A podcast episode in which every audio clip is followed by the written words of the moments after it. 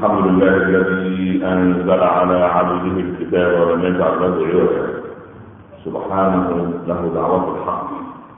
حرص عليها ووجد التبشير بها ولتكن منكم أمة يدعون إلى الخير ويأمرون بالمعروف وينهون عن المنكر وأولئك هم المفلحون. وأشهد أن لا إله إلا الله وحده لا شريك له وضع الحجة فأتم المحجة ويأبى الله إلا أن يتم نوره ولو كره الكافرون وأشهد أن سيدنا وحبيبنا محمد رسول الله بلغ الرسالة وأدى الأمانة ونصح الأمة وكشف الأمة. وجاهد في الله حق جهاده حتى أتاه اليقين صلى اللهم عليه وعلى آله وأصحابه وأزواجه وأتباعه. الذين آمنوا ولم يلبسوا إيمانهم بظلم أولئك لهم الأمن وهم مهتدون أما بعد. أيها الإخوة المسلمون نعم الله عز وجل على العبد كثيرة والإنسان قد يقيس النعم بمقدار ما رضي رب العباد سبحانه وتعالى عنه. وأكبر نعمة بعد نعمة الإسلام والإيمان به اللهم ارزقنا إيمانا صادقا. ويقينا ليس بعده كفر يا رب العالمين. أن يرزقك بأمرين هذان الأمران إن وجدتهما في نفسك وفي حياتك فاعلم أن رب العباد بفضله راض عنك اللهم ارض عنا يا رب العالمين. ما هاتان العلامتان الكبيرتان المميزتان التي يستطيع الإنسان أن يقيس بها رضوان الله عليه. أن تجد نفسك في الظاهر ممتثلا بامره وفي الباطن مستسلما لقهره. هاتان علامتان. الخطوة مداها دقائق معدودة. أرجو أن تركز معي في هذه الدقائق حتى نخرج بفائدة. هل رب العباد راض عنا؟ اللهم اجعلنا كذلك. فإن لم يكن فاللهم ارضى عنا يا رب العالمين في من رضي الأمر الأول أن تكون لله ممتثلا في ظاهرك بمعنى أن تنظر إلى جوارحك فتجدها مطيعة لله سبحانه. سواء تدري أو لا تدري سواء أنت توقظها من غفلتها أم لا توقظها؟ يعني أضرب بعض الأمثلة. كما قلنا في الجمعة الماضية ربما في مناسبات سابقة إن رأيت أنك لا تستيقظ لصلاة الفجر أياما فاعلم أنك وبين أن بينك وبين الله حجاب لماذا؟ لأننا قلنا إن هذا شرط. وطالما ما شرفت شرعه بالنهار لن يشرفك بالقيام بين يديه إما ليلا أو الوقوف بين يديه بالذات في صلاة الصبح. يعني هو أول اليوم تفتتح به البركات توزع فيه الأرزاق. العبد سبحان الله يبدأ يومه يستجيب للداعي الصلاة خير من النوم. وهذا دليل على أن المؤمن المواظب على صلاة الفجر هو أول درجة من درجات الإسلام أن تصلي الصلاة في وقتها ما أفضل الأعمال يا رسول الله؟ قال الصلاة على وقتها. الصلاة في وقتها. هذا هو أفضل يعني أو أول درجة من درجات الإسلام. ما بلغت درجة الإيمان بعد. لا إنما درجة الإسلام تبدأ بأن تواظب على الصلاة في أوقاتها. هذا هو الفرق بين أحمد وكهين بين سبحان الله محمود وسبحان الله شون ما الفرق؟ أن يقيم الصلاة بعد نطق بشهادة أن لا إله إلا الله وأن محمدا رسول الله. من اسبغ وضوءها وأتم ركوعها وسجودها لطفا كما يلف الثوب الأبيض وترتفع إلى ربها قائلة حفظك الله كما حفظتني. اللهم اجعلني منهم يا رب. ومن لم يسبغ وضوءها ولم يتم ركوعها ولا سجودها رغم أنه صلاها في وقتها لفت كما يلف الثوب الخلق ثوب القبيل الممزق ثم يضرب بها وجه صاحبها وتقول ضيعك الله كما ضيعتني. تخيل صلاة ليس لها ثواب وإنما هي دعاء عليك. اذا المسألة تريد منك مراجعة الكتاب. أول علامة إن رأيت أنك لم تستيقظ لصلاة الصبح سواء كنت سهران غير سهران متعب غير متعب فاعلم أنك اقترفت من الذنوب ذنوبا حجبك رب العباد سبحانه وتعالى عنه فلا يريد أن تقف بين يديه في هذه اللحظات التي توزع فيها رحمات الله سبحانه. هذا أول دليل على امتثال الإنسان في ظاهره بشرع الله. عندما تسمع منادي الخير واحد يقول لك أنا عندي مشروع مثلا كفالة يتيم هل لك في الخير؟ قل بلى. عندي مشروع أو يعني عندي قريب لي أو قريب أو إنسان في ضائقه مالي هل تستطيع أن تساعد؟ قل بلى. اذا لما تجد نفسك سبحان الله تفتح لك هذه الأبواب من الخيرات وأنت تضع يدك في جيبك سريعا وتخرج أو تتحرك وتترك الأبواب أبواب الخير فاعلم أن هذا دليل على امتثال الظاهر في بشرع الله سبحانه وتعالى. عندما ترى منظرا قد ألفنا المناظر القبيحة الجميع ألف. تعود الناس أن يفتح الشاشة لا فرق بين مذيعة وما يقال عليه فنانة أو عارية أو سبحان الله فتعودت عيون الناس النظر على هذه على هذه الأمور حتى أن أتخيل أن لو أحد سلفنا الصالح جاء وفتحنا ليس شاشه التلفاز لمات مره به. سبحان الله. هذا أقل تقدير يعمله لأنه سوف يفاجئ لأن الإمام أحمد لما خرج في يوم ريح في بغداد أمنها الله وسلمها وسلم أهلها وكل بلاد المسلمين إن شاء الله رب العالمين. سبحان الله. خرج في يوم ريح شديد في الهواء تطير ثوب امرأة تسير أمامه. طريق لصلاة العصر. موسم الخريف والهواء شديد والرياح شديدة. فوقعت عين أحمد على خلخال المرأة. بنظرة أولى فغض بصره ووضع عباءته على وجهه. وانتظر حتى اختفت المرأة وقال والله إن هذا لزمان الفتن. إذا تلقى يقين ليس معنى هذا أن تعطي نفسك حرية. أحمد قال هذا زمن الفتن فماذا يصنع أحمد؟ أحمد سوف يغض بصره.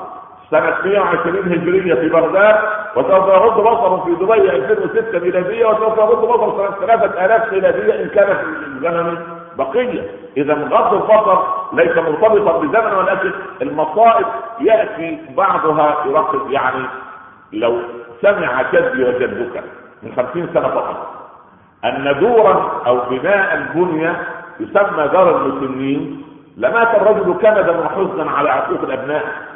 لكن الآن بعض أهل الخير حتى من باب الخير وأنا لا أراه خيرا سبحان الله أن يعمل صدقة جارية كدرب المسلمين لا لا يعترف له.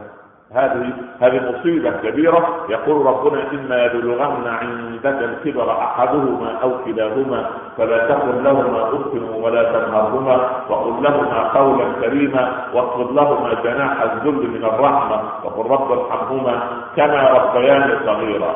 كما تدخل أنت بالليل ترى هل أولادك تغطوا بالفراش؟ هل هو يعني شدوا سحبوا الأغطية عليهم أم أنهم سبحان الله. هل ولد منهم نائم وذراعه ملتوية؟ هل البنت نائمة ورجلها نزلت من على فراش أو سرير فربما لا تدفق دم فأنت ترتب هذا الأمر. أنا أريدك عندما يكبر أباء أبوك ويصل إلى سن معينة اوجده في بيته وادخل إليه والى أمك واطمئن أنك إليه ما قد تغطى وقد نام واستراح هذا إن أردنا أن ينزل الله علينا رحمته. انا وأننا صنعنا دورا للمسلمين في بلاد المسلمين فأشك أن عمر بن الخطاب لو دخل وصار بالشوارع ورأى لوحة دار المسلمين لولى عمر وقال أنا أريد بلاد الإسلام أنا أريد بلادا فيها محمد صلى الله عليه وسلم.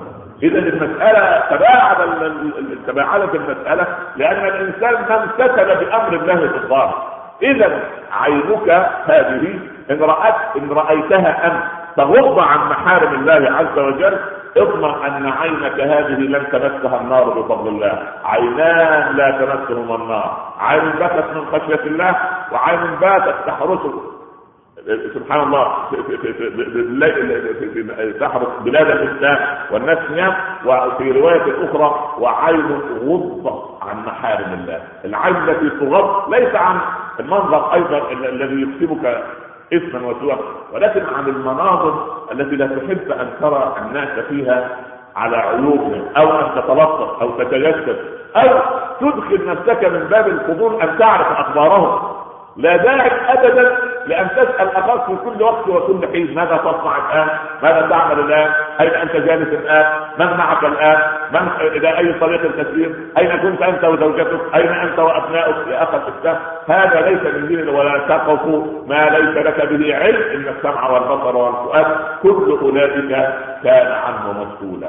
عندما ترى أو تجد أن أذنيك لا تريدان إلا سماع الخير وعندما تسمع الخنا أو الفسوق أو الفحش أو الاثم أو الأغنية أو شيء لا يحب أن يسمعه الصالحون عندئذ اعلم أن جارحة الأذن قد امتثلت لأمر الله سبحانه.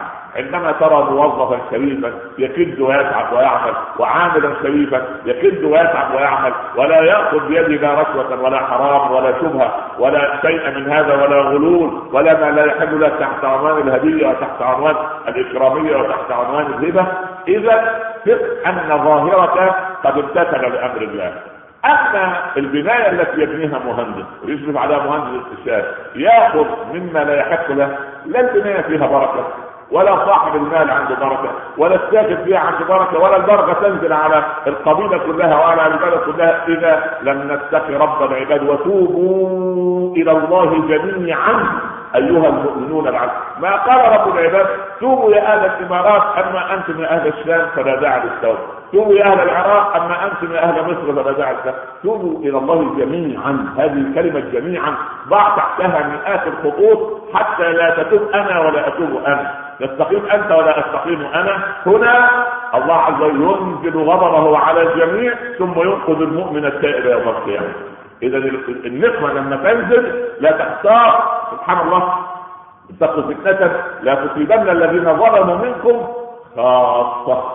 وتدبروا القرآن وأنت تقرأ. يعني المصيبة لم تنزل على صاحب الانحراف فقط. تنزل عليه لماذا؟ لأن مثل القائم في حدود الله والواقع فيها كمثل قوم اتهموا في سفينة فكان لبعضهم أعلاها ولبعضهم أسفلها. فقال الذين في أسفلها بدلا من أن نؤذي من فوقنا نخرق في مكاننا خرقا فإن أخذوا على أيديهم نجوا ونجوا جميعا وإن تركوهم وما يصنعون هلكوا وهلكوا جميعا. كل أهل المجتمع كله تنزل عليه سلب البركة ينزل عليه حقوق الأولاد ينزل عليه عصيان الزوجات ينزل عليه تبرد الأزواج انحراف الأزواج انحراف الجار انحراف صاحب العمل آه، عدم أمانة العمال وهكذا لأن البركة عندما تتبخر نسأل الله أن يشيع البركة في أعمارنا وفي أموالنا وفي علمنا وفي إيماننا وفي أزواجنا وزوجاتنا وأبنائنا وبناتنا وفي دولنا الإسلامية حكاما ومحكومين إن ربنا على ما يشاء قدير. أيضا إذا رأيت أقدامك مسرعة بمرضاه الله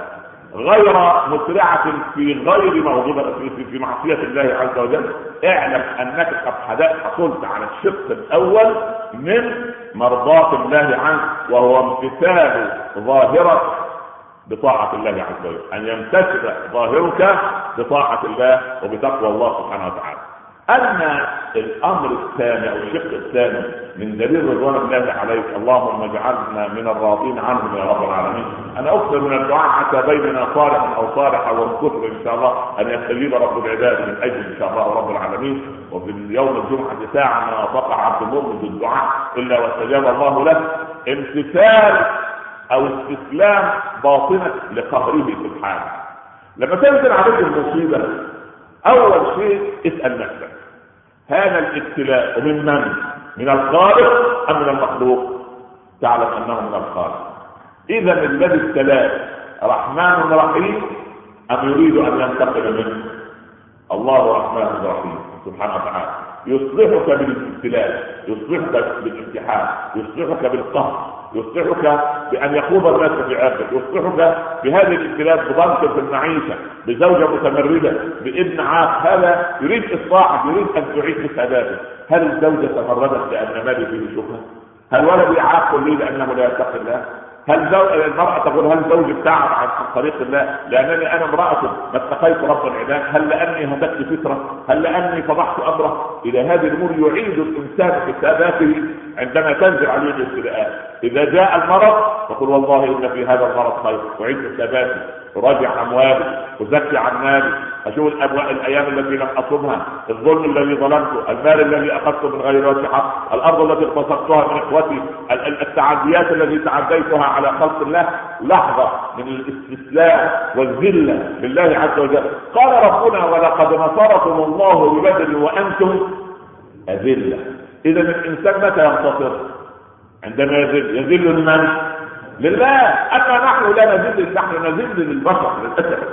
نحن إذا أمر المسؤول أمرا يعني وجب تنفيذ امره هل تستطيع أن تكسر الإشارة الحمراء مرة في مرة؟ يسحب منك الرخص لماذا؟ لأنك تخاف سطوه المخلوق الذي سن قانونا فما بالك بقوانين الله التي سنها لك وهي رحمة بك ومن ضمن هذه القوانين قانون الابتلاء فلنتادب ولنستسلم لقهره عندئذ يكون هذا علامة ودليل واضح على أن الله قد رضي عنك. اللهم ارضى عنا في من رضيك يا رب العالمين. أقول قولي هذا استغفر الله لي ولكم.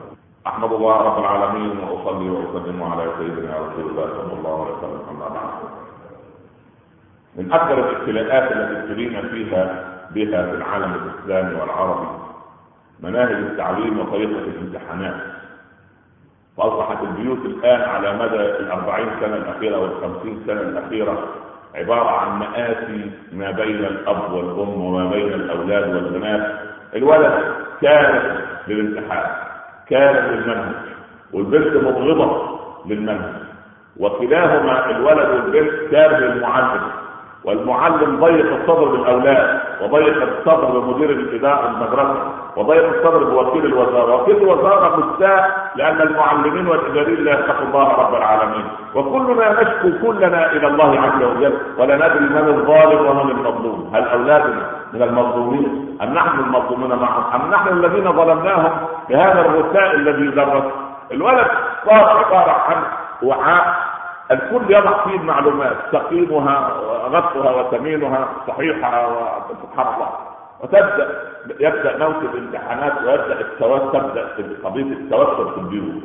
الأم في حاله توتر الأب أيضا بالتالي في حاله توتر الأموال تنظر سبحان الله وتنظر إلى الولد والولد غير راضي والأب يقول سبحان الله اتجرب أحسن مدرسه ادخلت أحسن جامعه أنفقت عليه أكثر إنفاق والولد غير راضي وأمه غير راضية سبحان والمنهج غير راضي وإدارة المؤسسة التعليمية غير راضي فمتى نرضى؟ سبحان الله. القضية أن كلنا ممتحن كلنا مبتلى كل إنسان فينا مبتلى بقدر. حتى الذي تخرج أبنائه وصار له أحفاد. أيضا يحمل هم أحفاده. هذه البيئة العربية بطبيعتنا التوازنيه وسبحان الله من عنده أولاد سعي ويسعى ويريد أن يتخرج الولد ويحصل على رخصة فيها ورقة تقول إنه حدث حصل عن الاجازه الفلانيه ثم يتخرج يجلس بجوار أخيه عاصرا على رصيف أو على القهوه ينتظر الكرم عندما ياتي أين الخلل؟ الخلل أن المجتمع يجب أن يهب نحو المنبع. يجب أن يستقي المجتمع ربه حتى يبارك لنا ربنا في أبنائنا وبناتنا ومناهجنا وتعليمنا وطريقة تدريسنا. أين هؤلاء المعلمون الذين كانوا آباء؟ صحيح بيننا معلمين مخلصين وهم أهل فضل وخير علينا وعلى أبنائنا. وأنا حقيقة الأمر في أحد مؤتمرات التعليم قلت لو أن يعني أولياء الأمور والأباء والأمهات أعطوني توكيلا لقمت بتقبيل كل يد معلم في بلاد الإسلام يعلم أبناءنا وبناتنا انهم والله يتعبون تعبا لا تعب بعد ذلك ومرتباتهم قد تكون ضعيفة وانشاد الأولاد متعب والواحد عنده أربعة أولاد أو ثلاثة يعني لا. قد لا ينيمونه الليل وهو مسكين عنده في الصف 30 و40 وعنده في المدرسة وفي الجامعة 100 و200 ورغم ذلك يتحمل رذاذه هذا ويتعمد ثقالة هذا ويتعمد صفاقه هذا ويتعلم سبحان الله والوزارة والإدارة تقول له إياك أن تشتم تلميذا إياك أن تمد يدك على سبحان الله. والتربية الحديثة للأسف غير التربية التي تربينا عليها. والخلل كله أن الولد مجرد أن ينهي امتحانه تساله سؤالا في المنهج سوف ينتهي لأنه أوقف عقله وذهنه على المنهج فقط وأصيب بتقلب عقلي قبل أن يصاب بتقلب عملي وتقلب في حياتي بعد ذلك. وصرنا بعد هذه المناهج الكبيرة التي تدرس لأبنائنا لا انجبنا لجابر بن حيان في الكيمياء ولا من سنه الطب ولا الخوارزمي ولا الفارابي ولا وجدنا اي ولا ابن رشد ولا سبحان الله حسن بن الهيثم وإنما أصفار تنضم إلى أصفار. هذه أمة لا يصلحها إلا دين وإذا عدنا إلى حقيقة ديننا وفق الله أبناءنا وبناتنا في وسائل التعليم. لكن أقول لأبنائي وبناتي كيف يعني يصعقوا من والدهم ويقول هكذا على المنبر يا أبنائي يا بناتي أنتم ذاكرتم وتعبتم طوال العام والامتحانات إما بدأت وإما عند البعض سوف تبدأ. يعني اهدأوا اعصابا ولا تكونوا عبئا على آبائكم وأمهاتكم اسمعوا وأطيعوا لهم. حافظوا على صلواتهم ادعوا رب العباد بالتوفيق قبل أن تدخل يا بني إلى اللجنة اقرأ فاتحة الكتاب قل ربنا افتح بيننا وبين قومنا بالحق وأنت خير الفاتحين. سم الله في أول الإجابة. راجع وتمهل. لا تنتقل إلى سؤال إلا بعد أن تنتهي السؤال الأول. ابدأ بالسؤال الأسهل فالاسهل إن شاء الله. واستحضر يعني فضل الله عليك وكرم الله عليك. وإن نسيت معلومة فاذكر الله رب العالمين. وقل ربنا واذكر ربك. إذا نسيت واهدأ اعصابا واعلم أن بجهدك ومجهودك لن يضيعك رب العباد سبحانه وتعالى. فاللهم اجعلنا من الناجحين في الدارين يا رب العالمين. اللهم وفق أبنائنا وبناتنا إلى ما تحب وترضى وهيئ لبناتنا الازواج الصالحين ولأبنائنا الزوجات الصالحات. وهيئ الصالحين للصالحات بعضهم لبعض من أكرم الأكرمين. ارزقنا قبل الموت توبة وهدايه ولحظه الموت رضا وراحه وبعد الموت اكراما ومغفرة ونعيما. اللهم أكرمنا ولا تهنا أعطنا ولا تحرمنا. زدنا ولا تنقصنا كلنا ولا تكن علينا اثرنا ولا تؤثر علينا وانصرنا ولا تنصر علينا. اللهم لا تجعل الدنيا أكبر همنا ولا مبلغ علمنا وانصرنا على من عادانا واغفر لنا وارحمنا وانت خير الغافرين الراحمين. اللهم أمن أهل فلسطين في بلادهم. اللهم أعد الينا سبيل الأقصى. اللهم أطعمهم من جوع واكلهم من عرض وأمنهم من خوف وانصرهم من هزيمة واغفرهم من القرى إنك على ما تشاء قدير. أمن العراق وأهله. اللهم أعد العراق إلى أهل يا رب العالمين. الناس وسائر بلاد المسلمين. واحمد لنا منك بقابلة السعادة أجمعين. وصلى الله على سيدنا محمد وآله وصحبه وسلم. بسم الله الرحمن الرحيم. والعصر. إن الإنسان لفي خسر إلا الذين آمنوا وعملوا الصالحات. وتواصوا بالحق وتواصوا بالصبر. نكون حديثنا بعد الصلاة إن شاء الله. قوموا لصلاتكم رحمكم الله. وأرجو الصلاة. أحمد الله رب العالمين وأصلي وأسلم على سيدنا رسول الله صلى الله عليه وسلم أما بعد. احبتي في الله تقريبا البيوت الآن في حاله من الغليان والفوران نتيجه موسم الامتحانات. وهو نظام لم يأتي لنا بنتائج إيجابية. المهم نحن في واقع مر ولكن التعامل مع الواقع المر يجب أن تكون له سياسه شرعيه اولا اهدأ بالا إذا كنت تتحمل زوجتك طوال العام بنسبة 60% ارفع حالة الطوارئ الآن وتحملها بنسبة 95% يعني ارفع الحالة إلى درجة الصفراء أو الحظ ما أدري الدرجات العالية اسمها أي لون يعني عند الإدارات الحاكمة في البلاد الغربية. وبعدين يبقى أنت حر تنزل الدرجة تطلع الدرجة المهم نطلع من عنق الزجاجة التي توضع قطعها نظم التعليم للبيوت وللمجتمعات حتى يضيق الناس ذرعا بأنفسهم. فاولا تحملها. هي في حالة غير طبيعية. لأن كثير من الأزواج إذا فشل الولد أول ما يشير الزوج يشير لمن؟ للأم. الأم لا هذا سواء هي كانت متعلمة أو غير متعلمة. اصبح حتى الأم اللي تعلمت من 30 عام مناهج التعليم اللي أخذتها لا تتابع مناهج الولد. ورغم تفوق مناهج التعليم التي تدرس الآن أولادنا أجهل من أجدادهم الذين ما درسوا إلا المراحل الأولى في التعليم. لا خط الولد جميل ولا لغة سليمة ولا يستطيع أن يكتب موضوع إنشاء. وحتى في اللغة الإنجليزية التي يدعون أنهم درسوا بها للأولاد. إذا قلت الولد اكتب في موضوع كذا أو كذا الولد لا لا, لا يستطيع أن يكتب. وسبحان الله العظيم الولد عنده أحد عشر عاما 11 سنه فدخل على أمير المؤمنين. فقال ابن عبد العزيز يا مزاحم مزاحم ده كبير الأمناء. يعني أو رئيس التشريفات مدير المرافق يعني الشيخ مزاحم ده كان متعب من اسمه بس متعب في الحق. كان مزاحم أمير المؤمنين عنده ورطة مالية. إيه هي؟ أولاده في العيد عايزين كسوة. فلما لقى السبع بنات يبكوا قال إحنا بس بنات أمير المؤمنين منظر. نخرج خارج البيت نلاقي الناس العوام لابسين الجديد وإحنا بنات أمير المؤمنين المهلهل والمقطع. فرق قلب عمر لابنات فنادى مزاح يا مزاح قال له نعم أمير المؤمنين. قال له اعطني راتبا لشهرين ممكن اقترض من بيت المال. مرتب يردوا على إيه؟ على شهرين. أستبدل معاش يعني. مزاحم. غير مزاحم الحديث غير حفيد مزاحم. حفيد مزاحم يعطي المفتاح كله بتاع الخزن لكن مزاحم الأصلي قال يا أمير المؤمنين هل يرضى أمير المؤمنين أن يعيش إلى شهرين؟ مش عيب. فبكى عمر.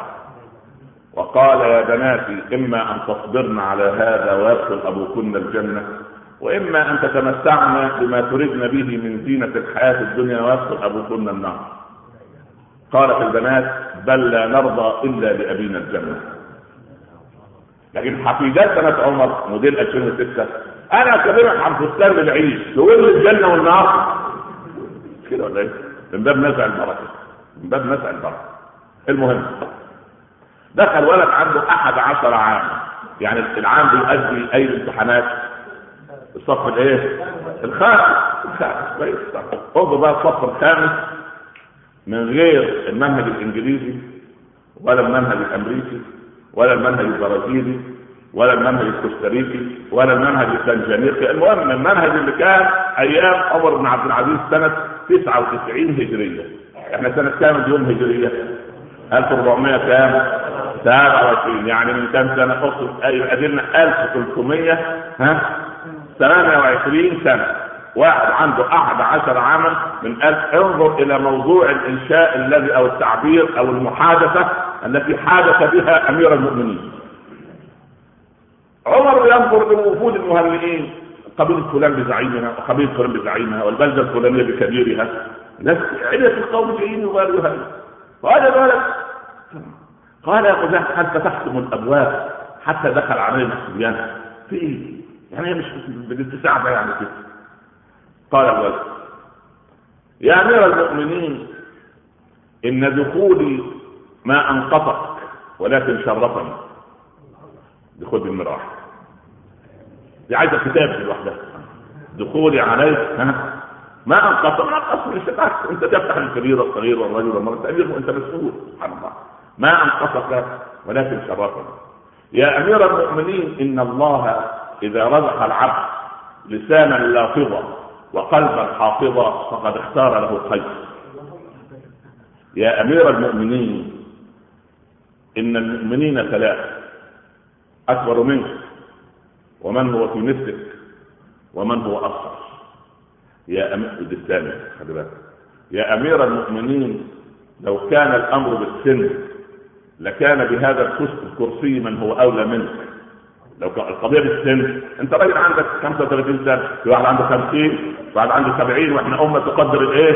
تقدر السن فكان ممكن ما تقعدش أنت على الكرسي أساسا فبلاش السن ده عيش لأن في في أكبر منك. خلاص؟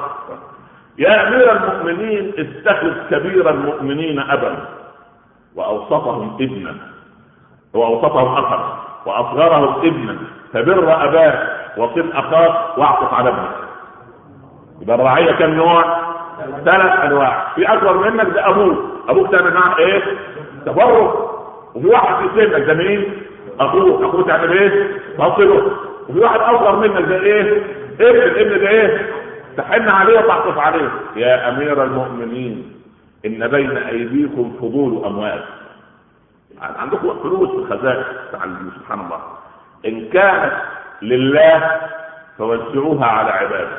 إن كان بيت المال ده لله وزعوها على عباده. وإن كانت للناس فأعطوا كل ذي حق حقه. وإن كانت لكم فتصدقوا فإن الله يجزي المتصدقين المحسنين. فطأطأ عمر رأسه وأسس البكاء هات أستاذ اللغة العربية اللي بيحط المنهج ويقول تعالى ده مدير المخبر بس راجل نقيب على جنب حارس. يقول له كلمتين يا عم قول كلمتين يا مال سبحان الله. اسمك إيه؟ هو اسمه حسن. أنا اسمي محمود. انت نسي خلاص سبحان الله. لكن القضية تقوى الله. تقوى الله عز وجل. فالبيوت الآن في حالة غير طبيعية. عامل زي المريض بعد العملية أو قبل العملية متوسع. قبل العملية خايف. واللي حواليه يطمنوه يرجو النفس والأطباء يطمنوه ويشرحوا له الحالة. إن شاء الله بعد العملية خير. فأنت الآن اعتبر نفسك في الرعاية المركزة. ها؟ أو اللي بيسموها العناية المركزة. أنت في المركزة من غير عناية. خلي بالك أنت أنت في الحالة المركزة. اخواننا بتوع الكيمياء بتوع القنابل النووية عندهم حاجة اسمها الحجم الحرج. حجم الحرج ده اللي هو الرقم السري المعروف اللي هو موضوع المواد المشعة اللي تنفجر بها القنبلة النوويه دي ما حد يعرفها إلا إيه؟ إلا اللي عامل المفاعل وكده وقضيه المفاعلات فأنت الآن في النقطة الحرجة في السنة كلها. فإما أن تصدق وإما أن تصدق. خلي بالك. يعني إما أن تكون يعني أنت مع مع زوجتك ضد الأيام والامتحانات والمناهج وإما أن تكون مع المناهج والامتحانات ضد إيه؟ لو يقولوا يا دماغ مين بعد الآخر؟ دماغ الولد المسكين له عارف سبحان الله يعني امتحان ولا مش امتحان ولا. فأنت خفف المسألة لكي يدخل الولد إلى الامتحان وهو هذا الأعصاب. ما نشعروش أن الأمر فيه يعني خلاص عارف. يا ابني أنت تعبت طول السنة وهذا أوان الحصاد. فإن شاء الله ركز على مهلك وهذب الروعة. وإن شاء الله ربنا هيكرمك وأنت ولد مطيع وإحنا راضيين عنك. والولد يمشي وهو إيه؟ منشرح الصدر أما الصبح توزعه وتوزعه شوف أنا عارف ساعتين امتحان تدخل امتحان أنت زي زي خالد غبي هنعمل إيه؟ ما هو بيشاور على أمه. بلاقي الولد يطلع من نفسيته إيه؟ خلاص عارف إن البيت لا فيه راحة ولا المدرسة فيها راحة ولا المنهج فيه راحة. بدل يروح يلخبط بدل ما يجاوب الكيمياء يجاوب عربي ها؟ لما يكتب موضوع الإنشاء يكتب بتاع سبحان الله موضوع تاريخ. أي حاجة في أي موضوع سبحان الله. ف يعني أذكر كان معانا ولد في الابتدائي كان في الصف الرابع. فالرئيس عندنا موضوع تعبير موضوع عن فضل العلم. ففضل العلم ده كان موضوع كتبه الله يرحمه مصطفى صادق الرافعي ده أديب العرب كلهم ما شاء الله. فلا فتح صفحة آه، الكتاب بتاع مصطفى ونقل الصفحه زي ما بس. فالمدرس طبعا ما شاء الله كان كان قارئ ايما كان المدرسين قارئين آه، قراء يعني. قال فلان الفلاني اللي هو التلميذ يعني هذا هذا التلميذ ما شاء الله دلوقتي أستاذ في الجامعة ما شاء الله لا قوه بالله. وهذه صفه يعني بعض المعلمين. فصفر على عشر مصطفى الصادق الرفيع 10 على 10 ما شاء الله. طبعا أنا وانت أنت شاطر في النحو ما شاء الله عليك. الراجل صاحب الموضوع أخذ العشر درجات النهائية وأنت سبحان الله. أنت بس نقال. فسبحان الله. فنحن نريد من أولادنا الإبداع كيفية الإبداع. لا تترك الأولاد في الصيف دون كتاب لابد أفضل كتب ليش عناوين الكتب إيه؟ أفضل كتب يقرأوا عن القدوات الصالحة. فين التابعين؟ فين تابع التابعين؟ فين أمهات الصحابة؟ فين أمهات التابعين؟ أين هي أم أبي حنيفة؟ أم الإمام مالك؟ والد الإمام أحمد بن حنبل؟ والد ابي تيمية؟ أم ابن القيم الجوزية؟ كيف أنجبت هذا الإنسان؟ أم صلاح الدين التي أرضعت هذا الإنسان العظيم الذي لما انتهت معركة حصين جمع التراب ووضع فيه وكتب وصية. لما أموت ضعوا هذا تحت رأسي. وإن جاءني الملكان للحساب قلت يا رب هذا تراب جمعته من حصين من تحت سنابك الخير. عندما استرددت بيتك المقدس فربما يخفف الله عني من الحساب. هذا ذلك هؤلاء هم الناس. أبو ذر يقول لزوجته سوف يمر بك قوم صالحون. وهو في بالرزق خارج المدينة. وبعدين اخرجي هذا الصندوق فيه ثوب. خرج الثوب والثوب الصالحين لما يمروا خلوهم يغسلوني ويكفنوني في هذا الثوب. ما هذا الثوب يا أبا ذر؟ إذا زوجة أبي ذر ما فتحت صندوق أبي ذر خلي بالك. أنت مش مفتوح عندك الصندوق. أنت ذاكرة الصندوق الأسود اللي عندك هنا مفتوحة ان شاء الله. مش عند فلوس الباس لا. أهلها وأهل اهلها واللي يعرف اهلها سبحانه. لأن بهذا السوء نزعت البر وبهذه القيم الكبيرة حتى تسأله إيه الصندوق ده؟ مش آه الصندوق مين يا عم. كده برضه تخبي الوصية وأعرف إن أنا ماليش شيء في الوصية. لا ما هذا الصندوق؟ افتحي فتح ما هذا الثوب؟ هذا ثوب حضرت به الغزوات مع رسول الله صلى الله عليه وسلم. لما أموت كفنني به سبحان الله. هؤلاء هم الذين تركوا هذه البصمات الكبيرة. فلا تترك ابنك في الصيف ثلاثة شهور متتالية يصاب عقله بالصدق والعقل كما الجسد. الجسم إذا قعد من غير رياضة شهرين ثلاثة يتيبس ولذلك نسبة تصلب الشرايين عند العرب وتيبس الأطراف أكثر من النسبة الغربيه الغرب يشيل ويحمل وبتاع. لا سبحان الله إحنا قاعدين في البيت يا ولد اسقني يا بنت اعمل كذا. ما في حد فينا يتحرك من البيت انزل أمام البيت السيارة انزل أمام المكتب السيارة لغايه ما اصبنا كلنا ب ب ب ليس بتخلف عقلي فقط تخلف جسدي. وسبحان الله ما تجد سبحان الله اوروبيا وأكتافه منحنيه زي حالته ما شاء الله من 80 سنة ولسه مستقبل الحياة. وإحنا سبحان الله تسأل ولد عنده 25 سنة. إزاي حالك يا الحمد لله على كل حال. لا حول ولا قوة إلا بالله. في إيه يا شيخ عايز يبقى كبير يعمل مهم. سبحان الله. إنا لله وإنا إليه فايرا إيه اللي حصل؟ سيدنا عمر الله يرضى عليه. ف ماشي كده فريق شباب. سبحان الله. كده. من أنتم؟ قال له والله نحن نستاك يا أمير الناس الناس طيبين ملتزمين فعلاهم بالذره وقال أمتم علينا ديننا؟ ارفعوا رؤوسكم إن ديننا حي باقي. يا أخي الدين دين دين سبحان الله. من هؤلاء؟ قالوا يا أمة المؤمنين هؤلاء هم المستاك الناس الخشع الناس أهل الصلوات. قال سبحان الله. كان عمر رضي الله عنه إذا سار أسرع وإذا قال أسمع وإذا ضرب أوجع وكان هو الناسك حقا. هذا كلام امنا عائشة في في في في تعليقها على حياة عمر رضي الله عنه. كان إذا مشي مسرع. سبحان الله. ماشي مرة كده سبحان الله. وعلى ناصيه طبيعة الطريق امرأة اكتشفت فجأة أنها جاية اذا وجها لوجه أمام عمر. حصل لست رعب أسقطت ما في بطنها. من الخوف هذه رهبة يا اخوه سبحان الله. فبلغ عمر أن المرأة أسقطت ما في بطنها. فوقف على المنبر. قال إن امرأة قابلت عمر ابن الخطاب هو يقول عن نفسه فاسقطت ما في بطنها.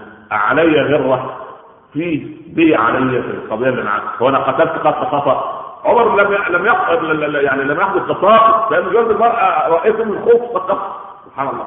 لأن يقال أنه لما كان يصير وسط الصحابة وتحل له التفاجة فجائية يعني ينتبه يقع الصحابة جميعا هو كان كذا اللي خلى الرسول قال الشيطان إذا رآك سالكا طريقا سلك طريقا آخر ابن الخطاب في إيه؟ الشيطان يقول يا عم بلاش الا طريق هذا ده ده ده سكته صعبة سبحان الله.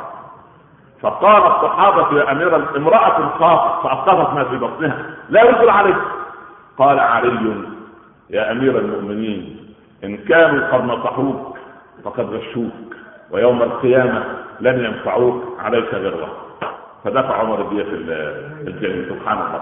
هكذا هكذا. إيه يا أمير المؤمنين شايفينك ماشي بالدابة وبعدين توقفها في مكان وترجع خطوات وتاخد العصا عصا. وقعت منه وهو راكب الدابة ومستأجرها. فلما رجع رجع على رجليه. ثم عاد ركب الدابة. سألوه ما هذا يا أمير المؤمنين؟ قال استأجرتها من مكان كذا لمكان كذا. فلو عدت بها هذه الخطوات فقد أخذت شيئا ليس من حقي اتطعموني نارا يوم القيامة. يا أخي الاسلام لابد من العودة إلى المنابع ولابد أن ندرس هذا لأولادنا. هذه القدوات التي سبحان نصنعها لأبنائنا ويعني كلمه اخيره أريد أن أقول لأبنائي ليس انتحاس نهايه المطاف وإنما هذا تكليل لجهودكم طوال العام. يعني من باب أن نشيع فيهم الأمل أنتم تعبتم سهرتم وذهبتم إلى المدارس الصباح والجامعات وحصلتم العلم وتحملتم. يعني مئات العلم والمادة الصعبة والمادة النصف صعبة والمادة السهلة. ولكن الله عز وجل لن يضيع على ابنائه أعمالكم. رغم أن يعني دائما أنا أتحسر على أن كل واحد فينا على الأقل عنده من الأولاد ثلاثة أو أربعة فلما نحصي أبنائنا اللي بيحضروا المسجد نجدهم 20 آه، غلام ولا صبية ولا تلميذ وأبقينا الباقي في البيت وللأسف الشديد. إذا كان في المسجد 100 من الرجال يجب أن أرى 400 ولد وبنت داخل المسجد على الأقل. ولكن نحن حجبنا النساء والأولاد والبنات في البيوت وجئنا نعم أنت تربيت خلاص وبعدين أنت تربيت على طريقتك سواء كانت صحيحة أم غير صحيحه لكن نحن نامل في هذا الجيل الذي نريد أن يرفع الراية إن شاء الله. يزيدهم عنا خيرا. اللهم بارك في أولادنا وبناتنا. اللهم رقق قلوب الممتحنين والمصححين عليهم. اللهم ارزقهم بالإجابات الصحيحة. وألهمهم بالصراط المستقيم.